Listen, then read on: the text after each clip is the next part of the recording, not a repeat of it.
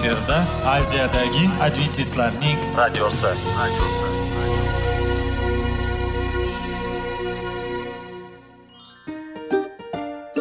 Assalomu alaykum radio tinglovchimiz. Dasturimizga xush kelibsiz va bizni tinglayotganingizga sizdan judayam minnatdormiz.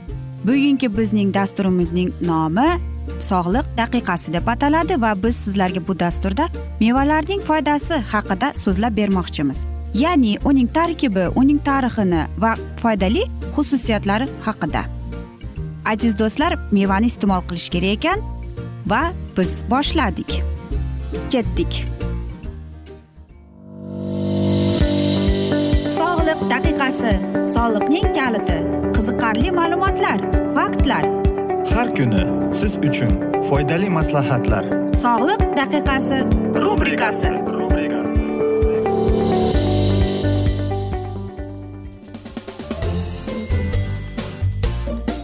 assalomu alaykum aziz radio tinglovchilar. Dasturimizga xush kelibsiz va biz sizlar bilan tana va sog'liq degan dasturda xushvaqt bo'ling deb aytamiz.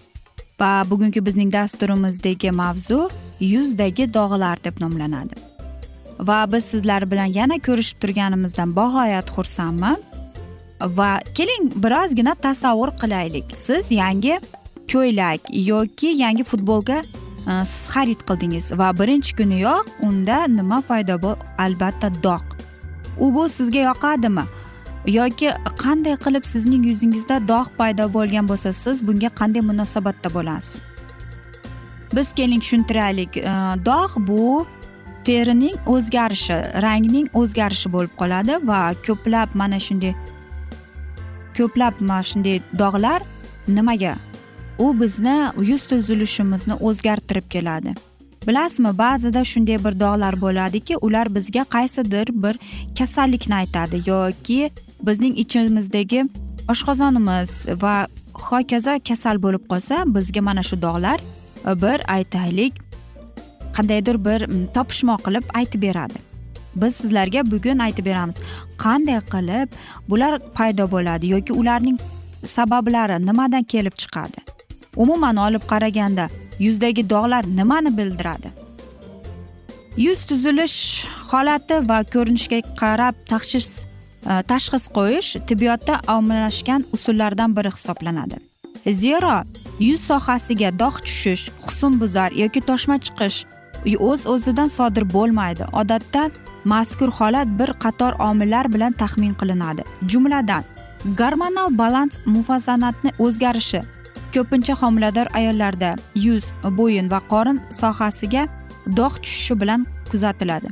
Peshob ajratish hali hamda jigardagi o'zgarishdagi teri pigmentatsiya qo'l kaft yuzasidagi mayda dog'lar yuz yong'oqlariga yog'iladi. Qalqonsimon bez faoliyatiga o'zgarishlar siydik qopi yalliqlanishi avitaminoz ham yuz dog'isiga keltirishi mumkin ekan. Quyoshda uzoq vaqt e, toblanish melanin sintezini faollashtiradi bu esa asosan yuzda dog' paydo bo'lishiga olib keladi. Yong'oq burun atrofdagi dog' ko'krakdagi mayda sepkillar bo'ladi stress va asabiylik. Tashqi muhitda ta'siri ish faoliyati kimyoviy usul moddalar bilan e, bog'liq bo'lsa noto'g'ri tanlangan pardoz vositalari o'rinsiz bajarilgan kosmetik muolajalar ham dog' tushishiga olib keladi. Tibbiyotda dog'larning bir necha turlari tasnif qilinadi. Xususan xlazma bu och jigarrang dog' yuzagi silliq va aniq chegaralangan bo'lib asosan qon qorin va yuzda paydo bo'ladi. Disxaramiya yoyilgan ko'rinishdagi dog' bo'lib peshona va yong'oqlarda uchraydi. Lab atrofida xlazma esa siametrik o'lchamga ega bo'lib davolanmagan taqdirda dahan va burun atrofiga ham tarqalishi mumkin va lentiga dumaloq ko'rinishdagi sarg'ish jigarrang dog' u o'smirlik keksalik va quyosh nuri ta'sirida yuzaga keltiriladigan turlarga bo'linadi. Kuzgiga qarshiga turib yuzingizga diqqat qilib qarang. Rangi e, tiniqmi husnbuzar yoki toshma bo'lsa kattaligi holati va miqdori qancha? Bu qanday bo'ladi? Qo'l qaftdagi dog'lar bittadan e, bir nechtagacha paydo bo'lishi mumkin. Ko'krak yoki bo'yindagi esa dumaloq cho'zichoq yoki yoyilgan ko'rinishda uchrab qoladi. Nima qilish kerak? Yuz yoki tananing boshqa qismlarida doqqa e, ko'zingiz tushgan bo'lsa shu zahoti uning o'lchamini eslab qoling deymiz. Qaytalansachi deymiz. Kerakli tahlillar o'tkazgach keyingina faqatgina mana shu dog'ni ko'rinishda ham o'zgarish bo'lib keladi. Uyda o'tirib davolamang yuz qismlarida yoki tananing boshqa sohalarida yuzaga kelgan dog'larni qo'l bilan yoki boshqa pardoz vositalari bilan tirnash qirish yoki qonatish mumkin emas. Dori vositalari surtish malham yoki bug'da tozalash ham man etiladi. Bu bilan dog' o'rin yanada kattalashib keyinchalik shu holicha qolib ketishi ham mumkin. Yuzaga jarohat yetsa yoki nojo'ya ta'sir ko'rsatilsa jiddiy asoratlarga olib keladi. Dog'larni davolashda qanday muolajalar tanlanmasin parhez tutishi lozim. Ma'lum muddat ochiq sho'r va shirin mahsulotlarni chegarab turgan ma'qul. Ko'proq suyuqlik ichish teri nafas olishi uchun yuvinish va kamroq kosmetika vositalaridan foydalanish ayni muddao bo'ladi. Va siz aytasizki nega shunday deb? Mana shunday bo'lib keladi.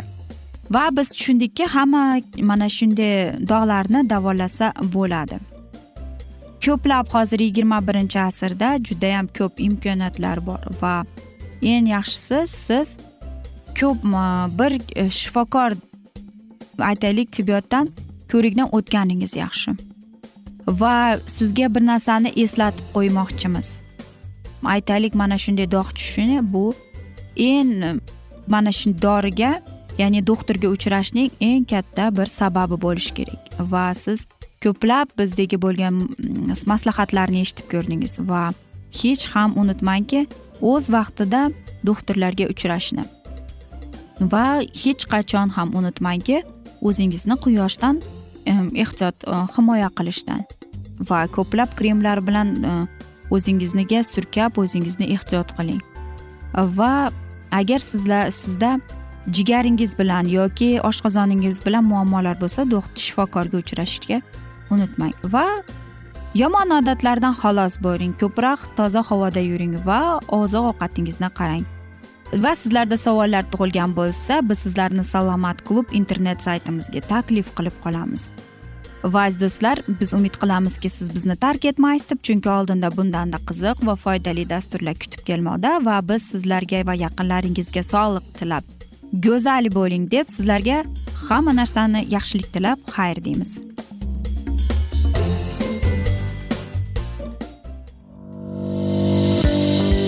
Sog'liq daqiqasi soliqning kaliti qiziqarli ma'lumotlar faktlar. Har kuni siz uchun foydali maslahatlar. Sog'liq daqiqasi rubrikasi.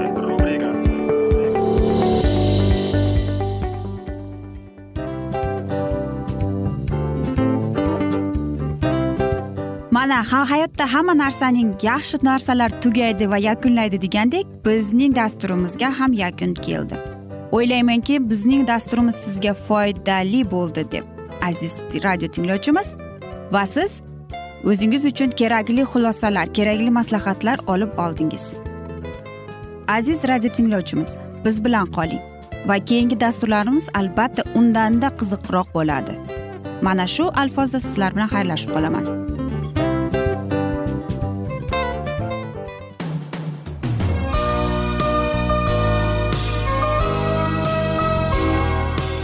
Efirda aziyadagi adventistlarning radiosi.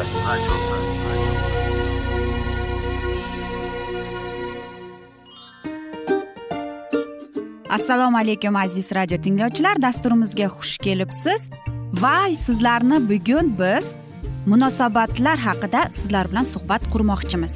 Ya'ni ikki sevishganlar to'g'risida yoki er xotinning o'rtasida bo'lgan munosabatlar haqida. Masalan yigit qizni qanday sevish kerak?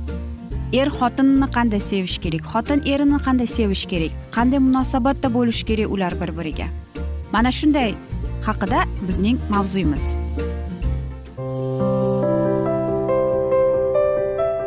Har kuni har xil kasbdagi odamlar bilan sirlashish va bo'lishish sevgi rashq munosabat bularni hammasi dil izhori rubrikasida.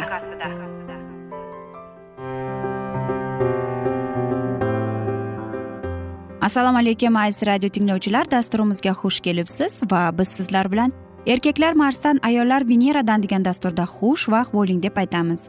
Va bugungi bizning dasturimizning mavzusi erkak kishini g'azabini nima keltiradi deb nomlanadi. Albatta erkak kishining g'azabi kelganda yoki aytaylik kayfiyati yo'q bo'lib qolgandachi. U bizni nima qiladi? Albatta so'kadi g'azablanadi va mana shu asnoda aytishadiku bekorga. Agar erkak kishi kayfiyati yo'q bo'lsa demak yashiring sizga tayfun kelyapti deb bejiz aytishmagan. Shuning uchun ham aziz do'stlar mana shunday bugungi bizning mavzuyimiz. Va men o'ylaymanki hamma ayol ham biladiki qachon erkak kishi g'azablansa qanday oqibatlarga olib kelishini. Albatta erkak kishi ham xato qiladi va ayol kishi nima qiladi? U achchig'i kelib qoladi. Va mana shu narsa uni g'azabini keltirib va o'ylaydiki men judayam jiddiy xato yo'lga qo'ydim deb o'ylaydi. Va mana shuning orqasidan undagi bo'lgan bor g'azab e, bor mana shunday achchiqlik kelib chiqadi. E, va u bilib bilmay o'zi bizga yomon so'zlarni aytadi. Yoki aytaylik e, bizni qandaydir o'zidan uzoqlashtirib qo'yadi. Va ba'zida ayollarimiz hayron bo'lib qoladi. Nega erkak kishi mana shunday narsa uchun kechirim so'ramaydi deb? Javobi oddiy. U qo'rqadi. Sizdan kechirim so'rab lekin kechirmasligingizni. Va erkak kishiga aziz ayollar qarangki judayam qiyin ekan tushunish u sizni umidingizni oqlamaganligini. U shunday deb o'ylaydi. Va buning kechirim so'rashning o'rniga erkak kishi doimo achchig'i kelib yuradi. Va nega shunday bo'ladi deysizmi? Chunki u o'z ayolini o'zining sevgilisini xafa qilib qo'ydi va albatta u o'ylaydiki u mendan mamnun emas deb. Agar erkak kishi g'azablanib yoki achchiqlanib turgan bo'lsa ayol kishi esa mana shu narsalarni yashirib va albatta u mana shunday tayfundan qochib turishi kerak. Faqatgina mana shu tayfun birozgina tinchlangandagina shunda u bilan suhbat qursangiz bo'ladi. Va mana shu asnoda aziz ayollarimiz aqlona ish tutish kerak. Hech ham erkak kishini biz tanqid qilmasligimiz kerak. Agar biz aytaylik ayol kishilar erkak kishining g'azabi kelib turib qolganda biz uning yo'lida tursak nima bo'ladi? Albatta buning oqibatlari judayam og'riq bo'ladi. Va mana shu asnoda erkak kishi ayol kishini ayblay boshlaydi. Nega deysizmi? Chunki u aralashayotgan sababli. Shuning uchun ham aziz ayollarimiz bizning erkaklarimiz g'azablanib achchiqlanib turganda aralashmaganimiz yaxshi ekan. Va mana shunday o'ylaymizki biroz kichkinagina maslahatimiz bizning aziz va go'zal veneraliklarga yordam beradi deb. Aziz qizlar ayollarimiz hech ham unutmang erkak kishiga bor e'tiborni va hech qachon ham uni tanqid qilmang. Agar aytaylik u g'amgin bo'lsa yoki bir narsadan siqilib turgan bo'lsa uni tinchgina qo'yganingiz ma'qul chunki hozir u o'zining g'orida. Siz o'ylaysizki ayollarda bo'lmaydi deb. To'g'ri ayollarda bo'lmaydi chunki venera sayyorasida umuman uragan tayfun u yo'q. Albatta veneraliklar ham g'azablanib turadi lekin hech ham uning orqasidan emas. Ko'plab savollar berasiz lekin siz aytasizki nega ular javobsiz qoladi deb. Agar marsda esa tayfun yaqinlashib kelayotganda hammasi yashirinishga urinib keladi. Biz ayollar ham aytaylik mukammal emasmiz. Bizning ham ba'zida kayfiyatimiz yo'q bo'lib qoladi. Aytaylik ayollarimiz bilib qoladi qanday qilib erkak kishiga yordam berish kerak. Agar mana shunday bo'lganda nima bo'lar?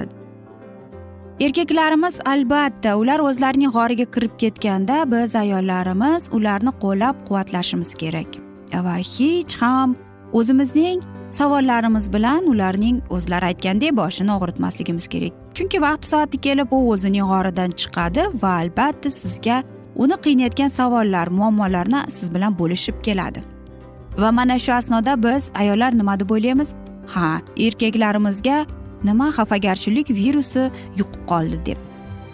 Va mana shu narsada navbatda ayollarimiz tushunishi kerakki mana shunday erkaklarda o'zining virusi bor ekan. Va ular mana shuning virusning oqibatida mana shunday narsalar bilan o'zi kurashishga harakat qilib qoladi.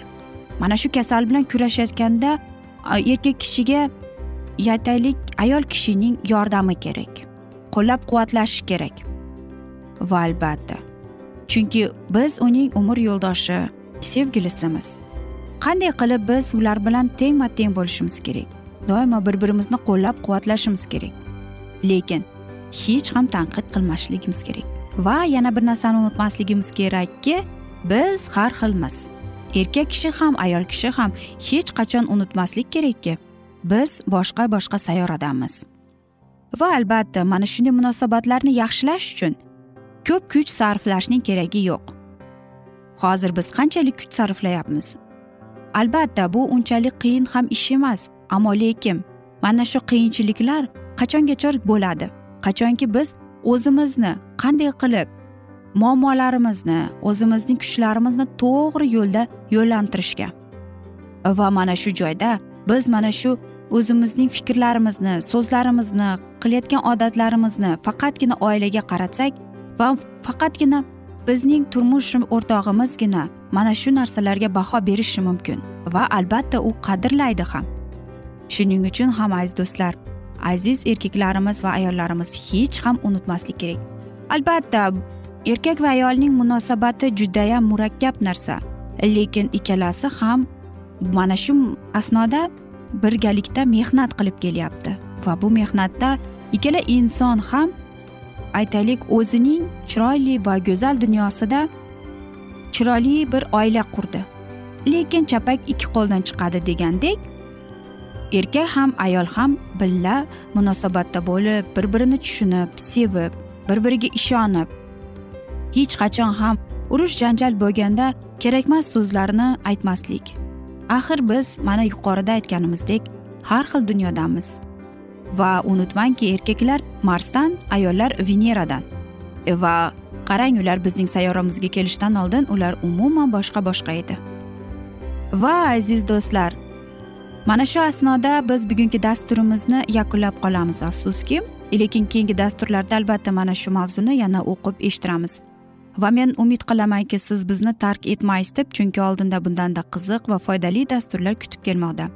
Va albatta biz sizlarga va oilangizga tinchlik totuvlik tilagan holda yuzingizdan tabassum hech ham ayrimasin deb o'zingizni ehtiyot qiling deb. Va aziz do'stlar hech qachon ham unutmang. Seving seviling deb xayr omon qoling deb xayrlashib qolamiz.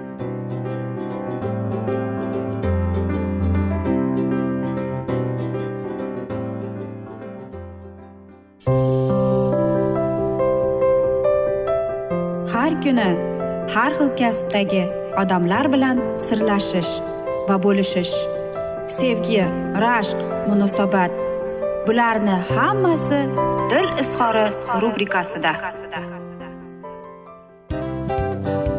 Mana aziz radio tinglovchimiz bizning go'zal va foydali va chiroyli dasturimiz yakunlanib bormoqda.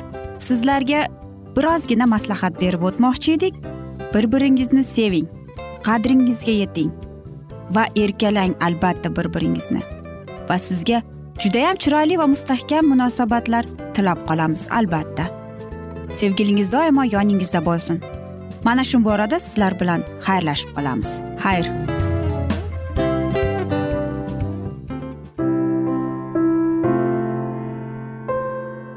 Hayotning noni. Qiziqtirgan savollar va javoblar. Buning hammasi ko'ngil uchun oziqa rubrikasida.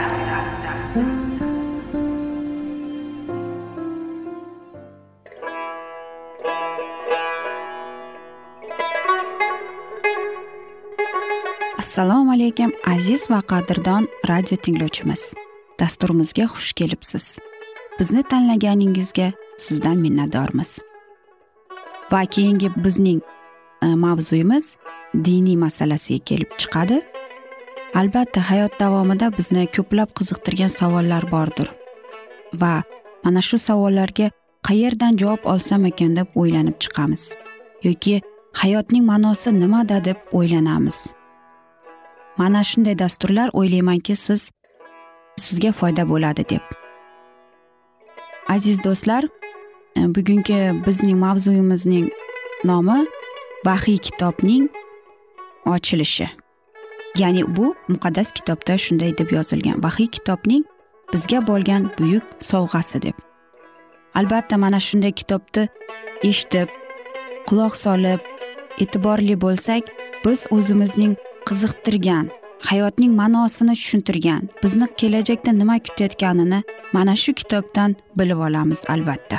Va xudoyim bizga qanday rejalar ochgan bizga qanday kelajak kutayotganini aynan mana shu kitobda yozilgan va bizga mana shu kitob orqali xudoyim bizga aytib bergan. Keling aziz do'stlar mana shu kitobni e'tiborli va yaxshilab quloq solib va chuqurroq nazar solaylik shu muqaddas kitobga.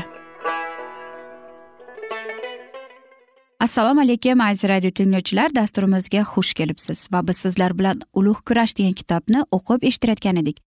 Va bizning bugungi dasturimizning mavzusi umid darakchisi deb nomlanadi. Uning otasi inqilob armiyasining kapitani bo'lgan kurash va azob uqubatlar davrida oila nihoyatda ko'p qiyinchiliklarni boshdan kechirib ruhiy azoblarning qurboni bo'lgan aynan shunday holat millerning yoshligidagi og'ir hayot tarzini izohlaydi.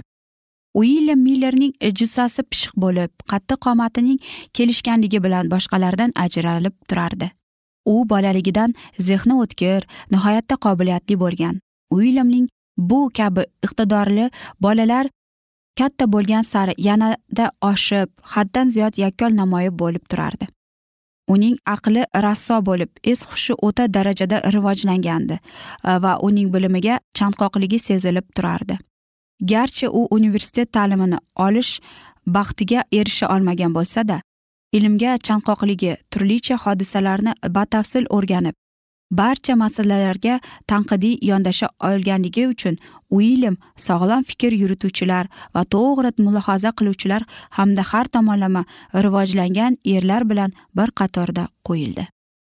U benuqson xulq atrofga ruhiy poklikka ega nomiga dog' tushirmagan inson edi. Rostgo'yligi tejamkorligi va boshqalarga nisbatan xayrixohlik qilgani uchun barchaning hurmatini qozongandi. Serharakatligi va tirishqoqligi tufayli u juda erta moddiy mustaqillikka ega bo'lgan ammo hech qachon o'qishni tashlab qo'ymagan. Turlicha grajdanlik va harbiy lavozimlarni egallagan uilyam miller ulkan muvaffaqiyatlarga erishgandi. Go'yoki boylik va shon shuhratga bo'lgan katta yo'l uning oldida keng ochilganda edi. Uning onasi nihoyatda taqvodor ayol bo'lib o'g'lini iymon e'tiqod ruhida tarbiyalashga intilgan. Biroq yoshligida u deizm xudoni tan oluvchi lekin uning tabiat taraqqiyotiga daxli yo'q deb biluvchi diniy falsafiy ta'limot jamiyatiga qo'shilib qoladi. Bu jamiyat a'zolari ko'p holatda namunali fuqarolar sifatida insonparvar va ko'ngilchan bo'lganlari tufayli ularning ta'siri tobora kuchayib borardi. Ular yashagan masihiycha muhit ularning axloqiga va tashqi qiyofasiga ijobiy ta'sir ko'rsatdi. Albatta odamlarning hurmat va e'tiborini qo'lga kiritganligi uchun ularning ajoyib hislatlari uchun ular muqaddas kitobdan qarzdor edilar. Biroq ezgu inomlar shunchalik noto'g'ri talqin qilingan ediki bu odamlar xudoning qalomiga zid bo'lgan ta'limot orqali atrofdagilarga ta'sir ko'rsatar edilar. Ular bilan muloqotda bo'lgan miller bilar bilmas ravishda deistlarning qarashlarini qabul qildi. O'sha vaqtda mavjud bo'lgan muqaddas kitob talqini ko'plab qiyinchiliklar keltirib chiqargani uchun ular millerga yengib bo'lmas to'siqlarday ko'rinardi. Shu bilan birga muqaddas kitobga hech qanday aloqasi bo'lmagan yangi e'tiqodni o'rnini bosadigan boshqa ta'limot yo'q edi. Shuning uchun ham u qoniqish his qilmadi. Shunday bo'lsada u o'n ikki yil mobaynida yuqorida qayd etilgan qarashlarga amal qilib keldi. Muqaddas ruh ta'sirida u o'z gunohlarini tan olganda miller o'ttiz to'rt yoshda edi. U halok bo'lgandan keyin millerning e'tiqodi unga farovon hayotni kafolatlamaydi kelajak uning nazarida qayg'uli va sirli jumboqday bo'lib ko'rinadi. O'zining azoblarini eslab keyinchalik u shunday deb aytgan. O'lim hissidan butun vujudimni sovuq noxush titroq bosardi.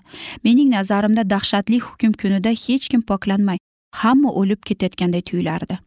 Osmon men uchun go'yoki mis oyoqlarim tagida esa yer xuddi temirday his etardim. Abadiyat bu nima ekan? O'lim kimga va nimaga kerak?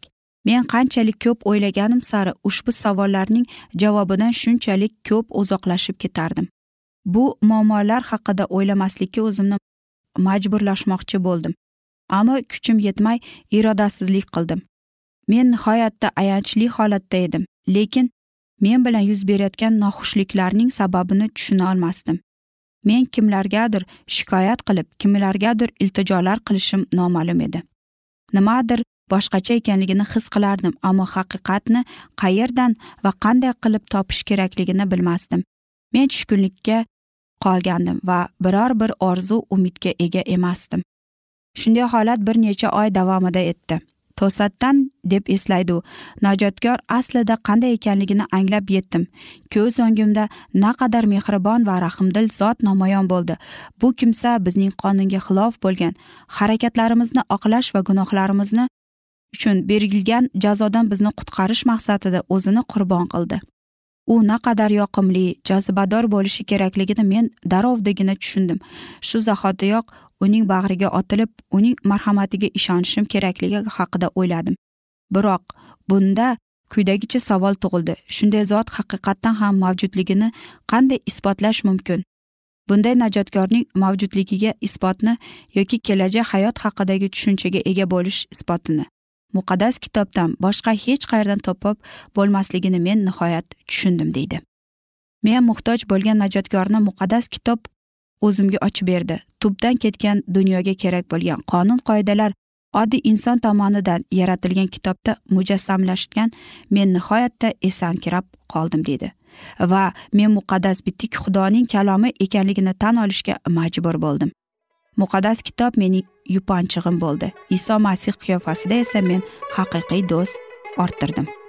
Aziz do'stlar mana shunday asnoda biz bugungi mavzuni yakunlab qolamiz. Lekin biz keyingi dasturlarda albatta mana shu mavzuni yana davom ettirishga harakat qilamiz. Va aziz do'stlar sizlarda savollar tug'ilgan bo'lsa biz sizlarni alkitab media internet saytimizga taklif qilib qolamiz. Va biz umid qilamiz bizni tark etmaysiz deb chunki oldinda bundanda qiziq va foydali dasturlar kutib kelmoqda. Va albatta biz sizlarga va yaqinlaringizga tinchlik totuvlik tilagan holda o'zingizni ehtiyot qiling deb xayrlashib qolamiz.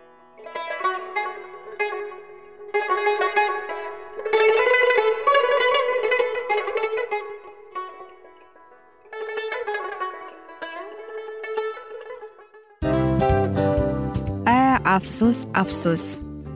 Hamma yaxshi narsaning ham yakuni bo'ladi degandek bizning foydali va qiziqarli dasturlarimiz ham yakunlanib qoldi. Va men umid qilamanki bizning dasturlar sizga ozgina bo'lsada maslahat berdi foyda berdi. Va sog'liq borasida ayniqsa sizlarga foydali bo'ldi deb. Va siz bizning maslahatlarga amal qilasiz deb. Albatta keyingi dasturlarda undanda qiziqroq undanda foydaliroq ma'lumot berishga harakat qilamiz. Undada qiziqroq ko'rsatuvlar sizlarga hadya etishga harakat qilamiz. Bizni tanlaganingizga albatta sizlardan minnatdormiz. Sizlarga baxt omad va sog'lik tilab qolgan holda mana shu alfozda sizlar bilan xayrlashib qolamiz. O'zingizni ehtiyot qiling sog' bo'ling omad sizga xayr.